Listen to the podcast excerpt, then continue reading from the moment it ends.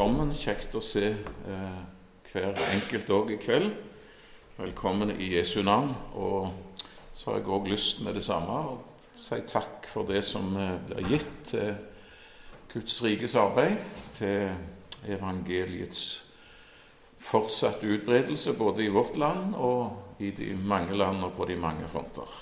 Det takker vi for. Herre Jesus, vi ber og i dag om din velsignelse over eh, givere, over gaver, over eh, mottakere, der ditt eh, ord skal forkynnes og bli utbredt. Herre, legg din gode velsignelse til, sånn at eh, store ting kan skje, og mennesker kan bli frelst og møtt av deg. Vi takker deg for at vi skal få lov til å være med òg på dette, Jesus, og forkynne ditt ord ja, eh, via de mange kanaler til mennesker som du elsker, og som du har gitt ditt liv for, både fjernt og nær. Herre, tal til oss òg fremdeles i, i, kveld, Jesus, at vi kunne høre eh, ditt ord og bli møtt av deg. Vi ber i ditt navn. Amen.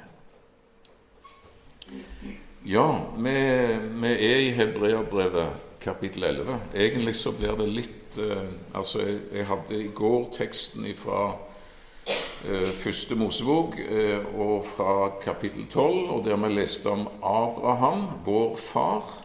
Så det står om i Det nye testamentet, og så skal vi egentlig ta noe av det, eh, samme òg som et utgangspunkt i dag. Eh, vi leste fra Hebreabrevet 11 og vi leste ifra første Mosebok eh, kapittel 12 og 15 og 17, og det vi skal bevege oss i det samme landskapet i dag òg, men fra en annen synsvinkel. Og Hvis vi skal ha en overskrift, så syns jeg det var en fin overskrift. Eh, et spørsmål hvorfor ler Sara? Spørsmålstegn. Hvorfor ler Sara? Eh, det står det om i kapittel 18, og det er Herren sjøl som stiller det spørsmålet. Vi leser Hebreabrevet 11, vers 11 og vers 12. Ved tro fikk også Sara kraft til å bli mor for en ett, og det til tross for sin høye alder, for hun aktet ham trofast som hadde gitt løftet.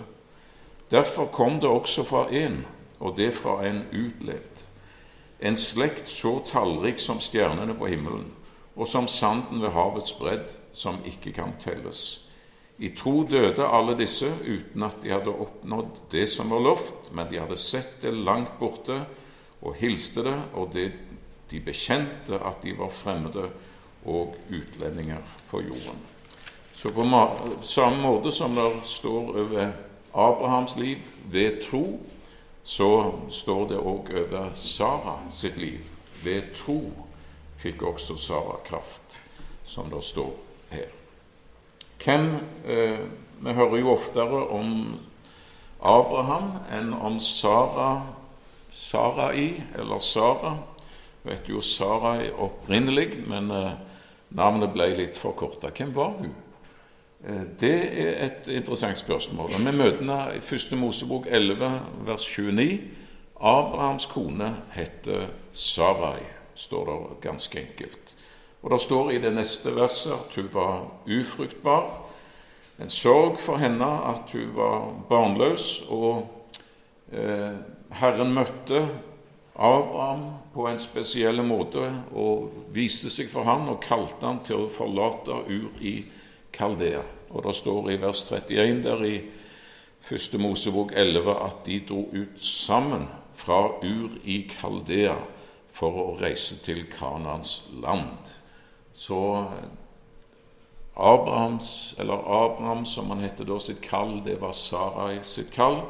Og det er noe fint med det at uh, hun drar med sin ektemann. Det var helt sikkert ikke så ganske enkelt, og det kan være at navnet Sarai, som òg betyr fyrstinne eller prinsesse, eh, kan antyde at hun var av velstående slekt. Hun var jo eh, absolutt i nær familie med Abraham òg. Og i det hele tatt å være å forlate all den trygghet og den overflod og luksus på så mange måter som var der i Ur i Kaldea, det var jo en omkostning, helt sikkert, med det.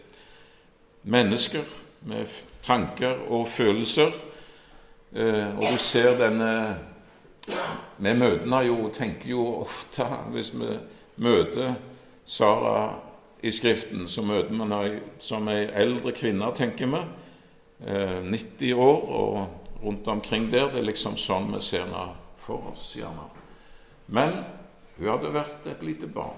Hun hadde løpt sine barnesko i Uri Kaldeas eh, flotte gater og mellom de palassbygninger og alt det som var der. Og hun hadde blitt en ungpike og litt ungdom osv. Og, så videre, og var ifølge Skriften en ganske så bemerkelsesverdig skjønnhet som drog menneskers øyne til seg. Det var den hun var, og så møtte hun Og han var jo kjent med helt ifra børjan. Enten var de halvsøsken, eller så var hun hans niese, for de hadde en felles far, men ikke mor. Men uh, i Bibelen så er det jo ofte sånn at du, du kaller sønn eller datter ikke bare den i første ledd, men òg nedover. Så iallfall så var slektskapet nært, uh, og sånn var det nå i, i denne tid. Eh, født år 1936 før Kristus, eh, står det i en, et oppslag om. Det syns jeg jo er rimelig presist å uttrykke det, for det er ikke så ganske enkelt lett å sette et årstall 100% Men ok, i, i det tidssjiktet der er det hun fødes, og, og derfra er det hun lever. Denne, denne Sarai, eh, som blir med sin ektemann og drar av gårde mot eh, ukjent land og gjennom farefullt eh, terreng og mange, mange trøbbel underveis. Og et par ganger så kommer hun òg i trøbbel pga. sin skjønnhet, eh, som vi leser i beretningen. De kommer til Kanans land, og alt går greit sånn sett, men det blir hungersnød. Og Abraham sier at vi må til Egypt for å få, for å få mat, rett og slett. Så de drar av gårde, og når de nærmer seg Egypt, så forteller Skriften at da henvender Abraham til sin kone og sier at 'jeg vet du er ei vakker kvinne', og det er store fare for at når vi kommer fram til Egypt, så vil jeg bli slått i hjel, og du vil bli ja, rett og slett tatt til ekte av en egypter. Så vær så vennlig å si at, eh, at vi er søsken, og at du er min søster. Ja, Så kom de fram, og så eh, ble jo lagt merke til. Det var nå sånn det var. Og til og med stormenn som hadde direkte link til Farao himself de drog av gårde til farao og sa at det er ei bemerkelsesverdig kvinne som eh, er kommet til vårt land. Du må møte henne. Og så eh, er det en feig historie, egentlig, der Abraham sier hun er min søster, og, og han er redd. Eh, og Farao gir han gaver og alt mulig, men så er det Herren griper inn når ikke ektemannen gjør det, og beskytter Sara i og, og eh, gir farao klar beskjed om hvordan stillingen er. at uh, Hold fingrene ifra fatet. Så det blir sånn, og han, de kommer ifra det. Ikke sant? Og så skulle du tro at det hadde Abraham lært av. Men del, noen kapitler seinere så får vi en reprise, faktisk. Og da er det kong Abimelek som de er i nærhet til, og Abraham tenker at her er det ingen gudfryktige mennesker. Dette er ville og rå folk. Eh, Sara, da har du skifta navn, sier at du er min søster. Og det sa hun, og det sa han, at de var kun eh, disse bånd. Og igjen så må Herren gripe inn i en drøm til kongen. Så sier, han, sier Herren gir klar beskjed du skal dø. Eh, om du rører denne kvinna, for hun er gift. Og eh, han går til Abraham og sier, 'Hva er det du har gjort?' Hva tenkte du egentlig på når du eh, lot dette skje? Og Abraham, eh, Abraham eh, skammer seg vel, men han sier det at jeg tenkte her er det ingen gudsfrykt. Så sånn var det. Ja, ja. Herren eh, tok seg av å beskytte, og det var noe trøbbel underveis. Men eh, på en måte så trer de litt fram òg som personer gjennom alt dette. Du, 4000 år siden. Det er rent mye vann i havet siden den gang, og det er lang tid siden. Men du, du ser noe av, av, deres trekk. Det er mennesker av kjøtt og blod, og det er syndere som stiger framfor oss. Og det er, det er som det var ifra, ifra urtiden, ifra eh, den tidlige historie. Og så er det at eh, at eh, Herren gir dette løftet. Altså Abraham, mange folks far. Nei, det skal du ikke lenger hete. Eh, først så lover Herren eh, i kapittel 15 i første Mosebok at tale til, til herr Abraham og sier det at du skal så tallrik som sanden er ved havets bredd, skal din slekt bli. Og det får ikke Abraham til å stemme, for jeg er jo barnløs, sier han i kapittel 15. Men Herren fører han utenfor teltet og sier, se opp mot himmelen, tell stjernene, slik skal din ett bli. Og Det er her vi møter dette ordet første gang. Abraham trodde på Herren, og han regnet ham det til rettferdighet. Så frelse ved tro og av nåde. Så prøver de å hjelpe Herren å oppfylle det løftet via Hager, trellkvinnen. Så blir Ismael født. Eh, men det var ikke sånn Herren hadde tenkt eh, og mente. Isak, eller Ismael blir òg velsigna, det står der eh, om flere plasser. Og Herren hadde omsorg både for han og for Hager, mor til gutten. Men det var ikke der det skulle være. Og tida går, 13 år eh, går siden og gutten Ismael han er vel 13 år da, rundt omkring. Og så er det at eh, Herren igjen åpenbarer seg for Abraham og sier Abraham, du er 99 år gammel, det er på tide å skifte navn eh, og bli Abraham. Ditt navn skal ikke mer være Abraham, far er opphøyet, men ditt navn skal være Abraham, mange folks, mange nasjoners far. For jeg gjør deg til far for en mengde folk, står det der i første Mosebok kapittel 17 og vers 5. Og jeg vil gjøre deg overmåte fruktbar. Jeg gjør deg til mange folk, og konger skal utgå fra deg. Jeg vil opprette min pakt mellom meg og deg og din ett etter deg, fra slekt til slekt, generasjon til generasjon det løftet jeg ga deg om velsignelse for alle folkeslag eh, via deg, og det løftet som står der helt i begynnelsen ved syndefallets dag om en frelser som skal komme og knuse slangens eh, hode, og sjøl få såret sin hæl når han gjør dette. Denne utfrier. Han kommer ifra din slekt og ifra din familie, og generasjon for generasjon skal bære det løftet videre, for han kom ifra din slekt. Og det takker jo Abraham for, for så vidt i ydmykhet. Men eh, det er altså når Herren fortsetter å tale og sier at det er Sarai, din kone Vers 15 skal skal ikke lenger kalles Sarai, men Sara skal være hennes navn. Det er ved samme betydning, sier de lærde, enten det er Sarai eller Sara. Det er mulig det er gått noe tapt underveis. Eh, det er lang tid siden. Og Det kan godt være at det var en presisering og en enda klarere understerkning i navnet Sara. Fyrstinne, prinsesse. Jeg vil velsigne henne og gi deg en sønn også med henne. Ja, jeg vil velsigne henne, og hun skal bli til folkeslag.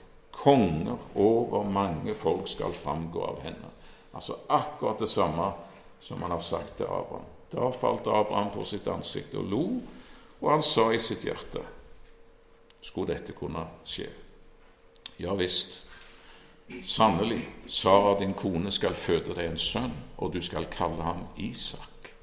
Det var mye latter egentlig rundt omkring denne beretningen. Du har Abraham, som nå er Abraham, som ler, og så har du løftet om barnet som skal bli født, og det navnet Isak, det betyr jo han ler, eller latter. Og du kommer ikke lenger enn neste kapittel òg før du møter Sara. Ikke sant? Men Herren begynner med Abraham, Abraham som han nå heter, og sier at 'jeg vil opprette min pakt med Isak', altså din sønn.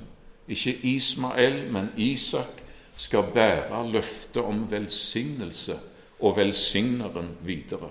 Jeg vil opprette min pakt med ham, en evig pakt for hans ett etter ham. Hans sønn, den førstefødte Ikke den førstefødte, for det var jo eh, Ikke sant, det ble noe brudd her. Eh, men han skal bære det videre, hans sønn. Og hans sønn etter det, og generasjon etter det skal bære. Så kan du lese Jesus' slektstavle i Matteus kapittel 1, f.eks. De 42 generasjoner eh, som det står oppnevnt der før Jesu fødsel. Og du har de fire første, bl.a. nevnt i Skriften. Det er Abraham, det er Isak, det er Jakob, og det er Juda. Og det omtales i disse profetiene. Disse skal bære løftet videre. Og det er klart at her, her Kjevelen eh, setter jo inn på å hindre Guds gode vilje. Og hvis han kan, hvis han kan gjøre Sara barnløs Hvis det kan være sånn at det ikke kommer en arving som Gud har sagt eh, skal komme, ja, så er hele frelsesplanen forpurra. Da blir det ingen frelser. Og nå er tida ute og det er menneskelig talt aldeles umulig.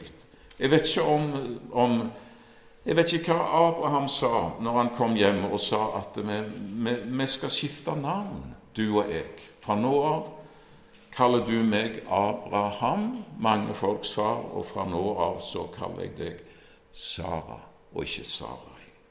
For det har Herren sagt. Så vet jeg ikke om han forklarte det videre.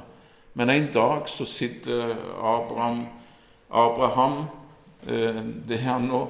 Han sitter midt i det aller varmeste av dagen når sola står høyt der oppe på himmelen og steiker, ikke sant, og folk kryper inn i skygger og skjul der de kan. Og der sitter eh, herr Abraham i teltåpningen, ved teltdøra, under terrebintene Mamres terebintelund, et løvrikt tre der det kunne være gode skygge. Rett og slett, De kunne være åtte meter høye, disse trærne. Det er en perfekt plass. Det er, der er det du trenger, og det er en behagelig duft av denne, disse terrebintene.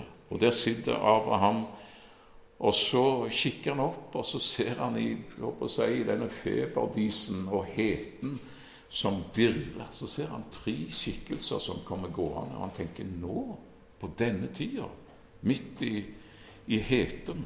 Men han kommer seg opp, og jeg vet ikke om han forstår at dette er ikke hvilke som helst gjester. Dette er himmelske gjester. Han springer imot dem, og han faller ned på sitt ansikt foran dem. Og han eh, inviterer dem inn til seg, og han springer inn i teltet òg til Sara og sier 'skynd deg og, sett på kjelen', og sørg for å få et uh, godt måltid. Og så står uh, han der uh, i sammen med disse tre, disse tre Herrens sendebud. Og Herren sjøl, altså Herrens engel, som det står om, er en av de meget mulig. Kristus i den gamle pakt, rett og slett. Meget mulig. Og når de står der og samtaler, da står det i 1. Mosebok 18 og vers 9 De sa til ham, Hvor er Sara, din kone? Han sa, Der inne i teltet. Og han, Herren, sa, Jeg vil komme tilbake til deg, 1. Mosebok 18 og vers 10, på denne tiden neste år, og se, da skal Sara, din kone, ha en sønn. Sara hørte dette i teltdøren som var bak ham. Står der, du ser henne for deg, ikke sant, inntil teltduken og ved åpningen, og lytter. Nå var Abraham og Sara gamle, langt oppe i årene, og Sara hadde det ikke lenger på kvinners vis. Derfor lo Sara ved seg selv og sa, skulle jeg, når jeg er blitt gammel, føle lyst, og Herren min også er også gammel. Da sa Herren til Abraham, hvorfor ler Sara, og sier jeg, skal jeg virkelig føde barn når jeg er blitt så gammel? Skulle noen ting være umulig for Herren? På den bestemte tiden vil jeg komme til deg igjen på denne tiden neste år, og da skal Sara ha, sin, ha en sønn. Sara nektet og sa jeg lo ikke, for hun var redd. Da sa han, og jeg er overbevist om at Herren sa det vennlig og lunt, jo, du lo, du lo. Hvorfor ler Sara? Det er mange grunner for å le, ikke sant? Men dette er det første punktet, for det er ikke siste gang Sara skal le. Og, og jeg syns det er veldig fint, for de trer sånn fram for oss som personer, som mennesker, ikke sant, fra årtusener siden, og deres På mange måter skulle du tenke at deres eh, fotspor var utviska, men, men vi møter den lattermilde Sara der inne i, ved teltduken der hun står og lytter og vi skal møte henne igjen eh, med latter på sine lepper. Hvorfor ler Sara? Du kan le ja, en kan le av glede fordi en ble overraska av mange grunner. Du kan òg le av å se det komiske i en situasjon. Du kan le av å se det absurde. Og det er jo det som er Jeg håper å si Sara som ler på en måte over sin sorg, over det som har vært hennes byrde og hennes lengsel, og nå ler hun i resignasjon for det at det, det er jo håpløst. Det kan jo aldri, aldri, aldri skje. Så hun ler, og det tenkte jeg på i dag når jeg så med dette. Hun ler på en måte av samme grunn som Herren sjøl ler, som det står om i Skriften. Situasjonen er jo forskjellig, da, men Herren ler òg av det absurde, av det håpløse. Herren er òg i stand til å se det ja, i, en, i et prosjekt som er aldeles håpløst. Og Det står flere ganger i salmene Du vet vel hvor jeg tenker meg, men det står iallfall tre plasser i Salmenes bok om Herrens latter over en bestemt sak, over ja, salme to. Denne messianske salme som handler om Herren og hans Herre, og det handler om eh, den salvede, eh, Mashiach, eller Messias, som vi oversetter det, og det handler om Sønnen, Guds sønn, som det står om i vers 12 der. Hvorfor larmer hedningene, og hvorfor grunner folkene på det som fåfengt, forgjeves, nytteløst er? Jordens konger reiser seg Første råd slår sammen mot Herren og mot Hans salvede. La oss sprenge deres bånd og kaste deres rep av oss. Eh, ja, hvordan reagerer Herren på en sånn en tanke? Full av sorg. Eh, tenk på Jesus der han står og ser over Oljeberget, eller fra Oljeberget og ser over Jerusalem, og Herren, han gråt fordi han ikke kunne nå dem. Det er jo Guds smerte. Samtidig så er det ingen motsetning mellom hans tårer over eh, mennesker som vender han ryggen, og samtidig som vi leser her at han som troner i himmelen, ler. Og Herren spotter dem. Han finner det en absurd situasjon der de mektigste mennesker på jord rådslår og slår seg sammen og sier at la oss, la oss velte Herren av hans trone og avsette Gud og avskaffe troen på ham og i det hele tatt få vekk alt dette som er bånd og rep som binder mennesker i ufrihet. Hvordan skal de kunne avsette Han som Herren har innsatt på Sion? Golgata-fjellet som ligger der, ikke sant? oppstandelse og alt dette. Hvordan skal små menneskekryp Det er så absurd at Gud i sin himmel rett og slett må le av en sånn en tanke. Le over det håpløse. Og Det kan vi godt minne hverandre om, for eh, vi lever i en tid der dette ikke er uaktuelt. Og jeg tenkte i dag på min far, som Eh, ved flere anledninger siterte en japansk evangelist som han hadde hørt tale, som snakket om de japanske eh, hurtigtog som var allerede på den tid holdt jeg på å si, ganske avanserte. Og så beskriver denne japanske evangelist når eh, toget suser av gårde der i, på sine skinner, som det var da, i høy hastighet, og så står det en maur på jernbaneskinnene og gjør seg klar til kamp imot lokomotivet som kommer susende der. Og så brukte han det som en illustrasjon på Salme 2.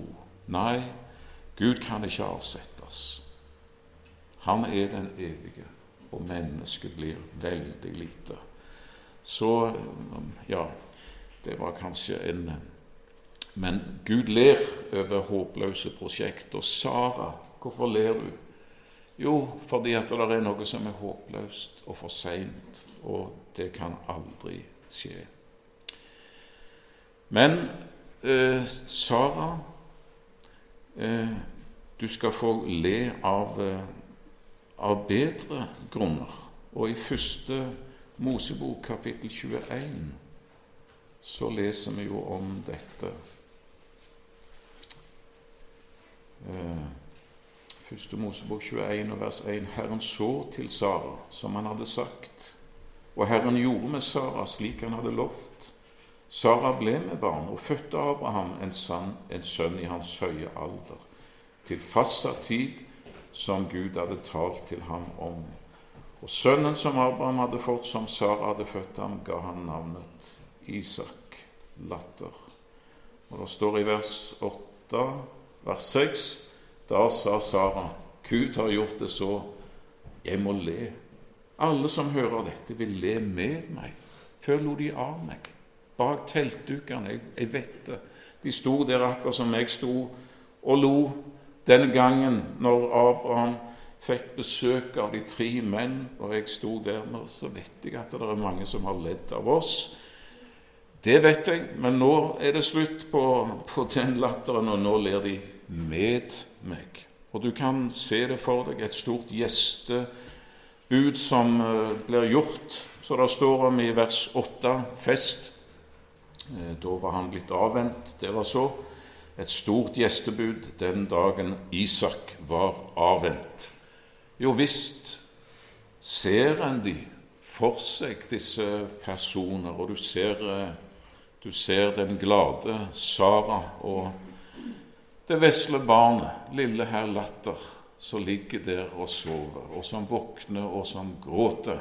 Og så tar Sara sitt vesle barn opp, og så smiler og ler poden, og så ler Sara. Og så ler alle de eh, rundt. Hvorfor ler Sara?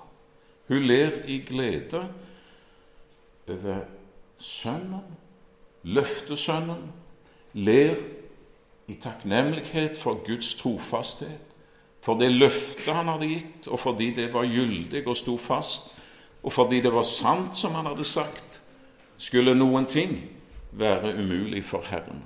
Derfor ler Sara. Og kanskje har hun åpenbaring nok og, og, ser og forstår at det, det handler ikke bare om dette vesle barnet, men det handler om at han skal bære løftet videre om den kommende Messias og den kommende frelser og velsignelsen som skal følge, og som skal få konsekvenser for en hel verden. En stor slekt som, skal, som jeg får lov til å bli mor til, faktisk, gjennom denne vesle sønn Isak. Ja, for det står eh, i samme kapittel i, i eh, 1. Mosebok 21 vers 12 at eh, Herren repeterer dette løftet, og han sier det at i Isak skal det nevnes deg en ett. Ikke Ismael, selv om han skal bringe velsignelse, han òg, men så skal det gå gjennom Isak. Og Så skal det gå videre til neste generasjon. Jakob, ikke Esau.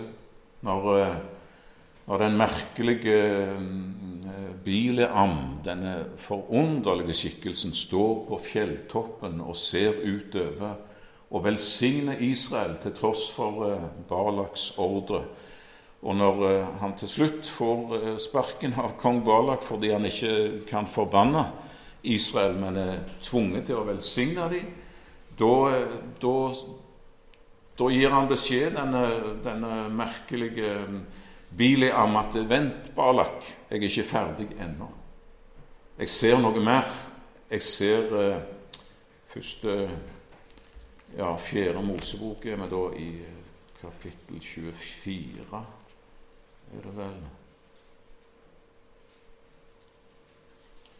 Da profeterer han om det han ser, ikke nær. Og det er ikke veldig klart heller. Men eh, jeg ser ham. Jeg skuer syner ifra den allmektige. Herren har åpnet opp, og jeg ser, eh, jeg, ser, jeg ser, en skikkelse. Jeg ser ham, men ikke nå, ikke ennå. Jeg skuer ham, men ikke nær. En stjerne stiger opp av Jakob. Et spir løfter seg fra Israel. Han knuser Moabs tinninger, utrydder ufredsetten. Det er han som tar oppgjøret med synd og alt dette. Og en hersker går ut fra Jakob, vers 19. Ser han langt borte og uklart, men han kommer, og han kommer av Jakobs ett. Og så får Jakob tolv sønner, men det er ikke Ruben, og det er ikke Simon, og det er ikke Levi, men når den gamle Jakob står der i første Mosebok 49 eh, og velsigner sine sønner med hver sin spesielle velsignelse, da legger han hånda på Juda, og så sier han, så profeterer han, og så sier han det at av Juda skal fredsfyrsten komme. Første Mosebok 49 på vers 10. Kongespir skal ikke vike fra Juda ikke herskes da fra hans føtter inntil fredsfyrsten kommer og folkene blir ham lydige.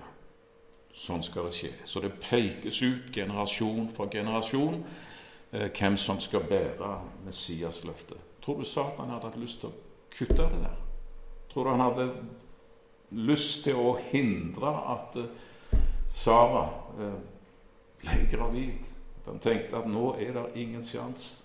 Det blir ingen velsignelse og ingen frelser. Det hadde Satan hatt lyst til, men han er den han er, og han er slått. Det er noe eh, Hvorfor ler Sara? Kanskje vi tenker at hun er fjern og langt borte fra oss i tid, og at det tilhører en, en fortid som egentlig ikke er aktuell. Og så så lærer Skriften oss noe her om at eh, Sara er din mor, faktisk. For hvis Abraham er din far Vi leste om det i Romerbrevet 4. De som har Abrahams tro, altså de som eh, må stille seg i kø sammen med Paulus og David, som, eh, som han nevner som eksempel, som ikke har noe sjøl å vise til, men som må bli frelst av bare nåde ved at en ikke blir tilregna sine synder, men at en blir fraregna dem. De blir tatt ifra deg, og så blir du tilregnet positivt rettferdighet. Så minus all synd og skyld, og pluss, når du er håper jeg står der ved nullpunktet, tilregnet rettferdighet. Ja, da sier Romerbrevet kapittel 4. Da er du faktisk et barn av Abraham, en etterfølger av han, og du står i den nye ætten, den nye slekta, den som er frelst av nåde ved tro på Han som kom og oppfylte løftene og ble din og min frelser. Eh, ja, det er noen rammer som sprenges. her. Det er noe, et bilde som er så stort at det sprenger rammene en har prøvd å plassere det inn i, egentlig. For det gjelder ikke bare Israel, men dette gjelder nasjonene. mange folks, nasjoners far. Og Paulus spør der i Romerbrev 4, når han snakker om dette, at vår far Abraham Og så spør han gjelder dette bare jødene. Gjelder nå denne saligprisningen, eh, vers 9, der de omskårne, eller gjelder den også de uomskårne hedningefolkene? Vi ser jo at troen ble regnet Abraham til rettferdighet. Ja, Du kan lese mer sjøl.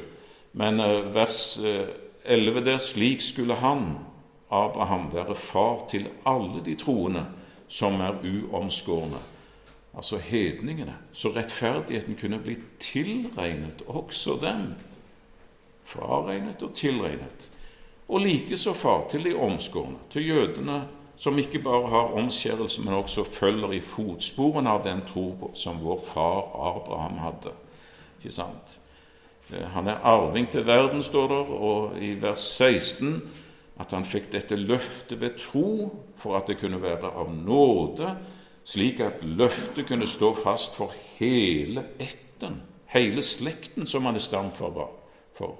Ikke bare for dem som har loven, jødene, men også for dem som har Abrahams tro, hedninger, som er tatt imot dette evangeliet.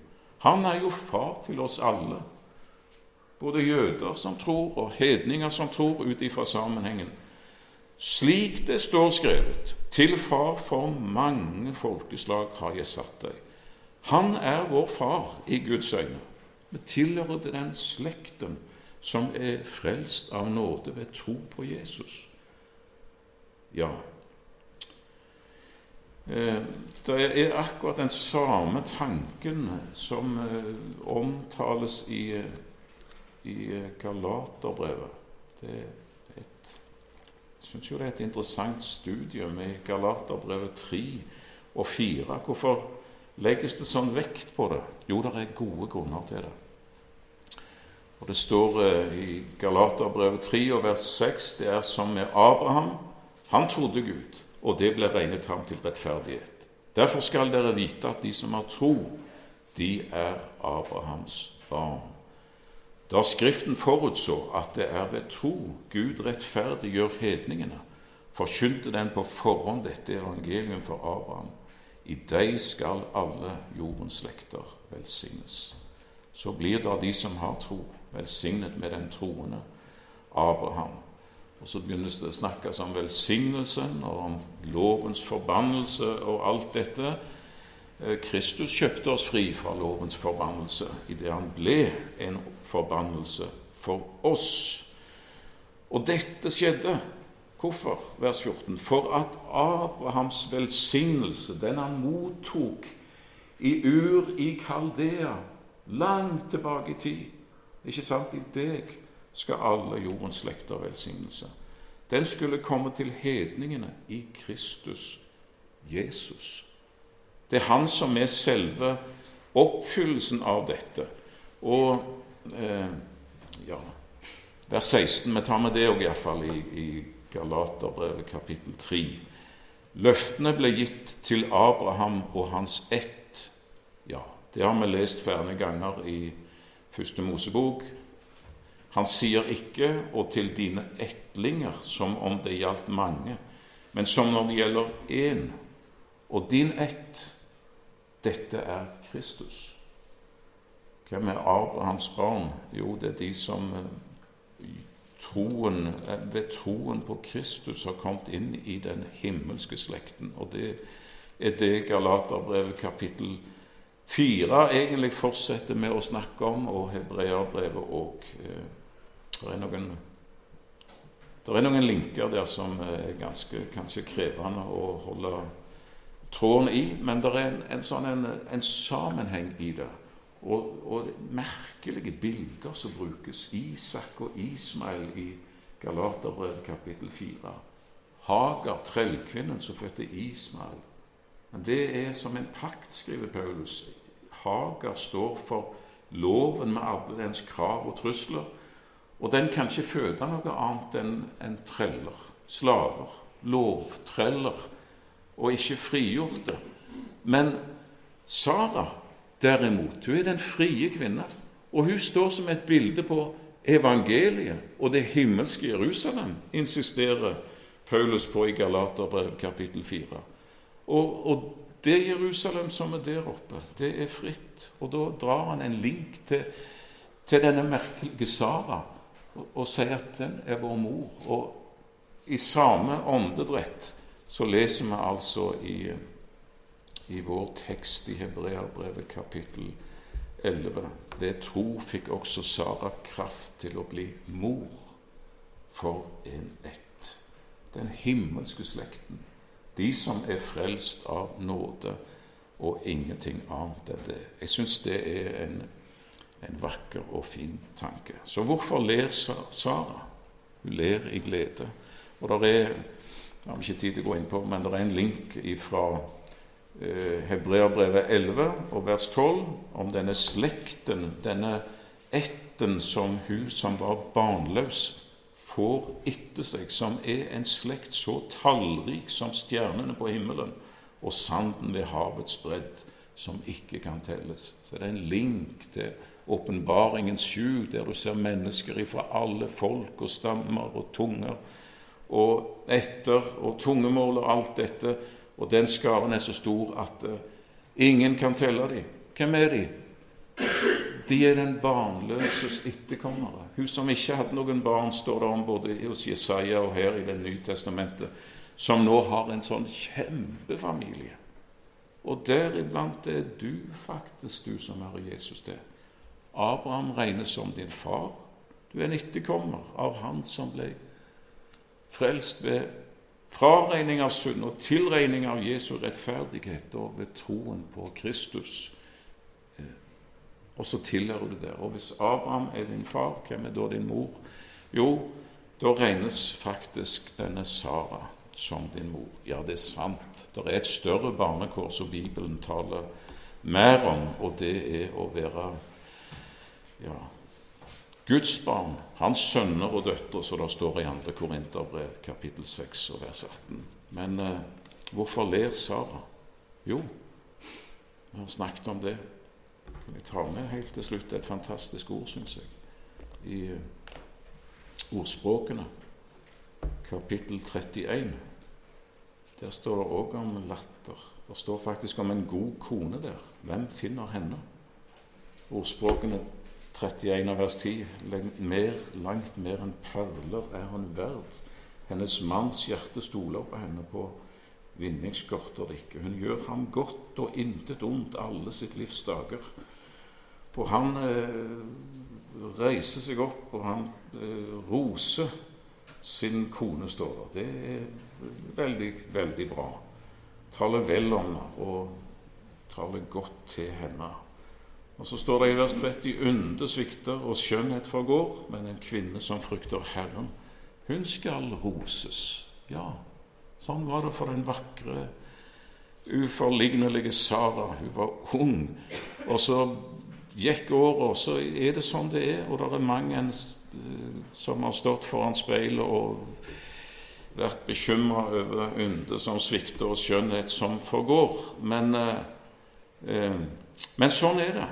That's life. Og eh, jeg syns det er noe veldig flott der med denne kvinna som vi leser om, som ser at tida går. Jeg blir så bekymra så mange ganger. Det plager meg. Nå snakker jeg personlig. Jeg tenker på framtid, og jeg tenker på barn, og jeg tenker på barnebarn. Og hvordan skal det gå? Og jeg tenker på denne verden som de skal leve opp i, og av og til så blir jeg så bekymra at jeg Ja, jeg vet ikke riktig hvor jeg skal gjøre av meg. Jeg syns det er noe å lære av Sara, ja, av, av eh, hennes latter når hun står der med, med sin sønn, og så er det noe å lære av den gode kone i Ordspråkene kapittel 31, som er, opplever at tida går, og ynde svikter og skjønnhet forgår, og alt dette. Hun ler av den kommende tid. Ordspråken 31 og vers 25. Jeg syns det er flott. En, det som du hører Saras latter. Har vi ikke Guds løfter? Har han ikke talt? Skriften er full av løfter. Ser framtida og den kommende tid og kan faktisk le den i møte. Ja, sånn ble det i kveld. Herre Jesus, eh, hjelp oss å renne med ditt ord og dine løfter. Det gjorde Sara. Det takker vi deg for, og takk for at du er den trofaste Gud som oppfyller dine løfter og står ved ditt ord. Og i ei åndelig mørk tid så er du i sannhet den samme og har all makt i himmel og på jorda. Fremdeles står dine løfter ved lag. Takk for det, Jesus. Amen.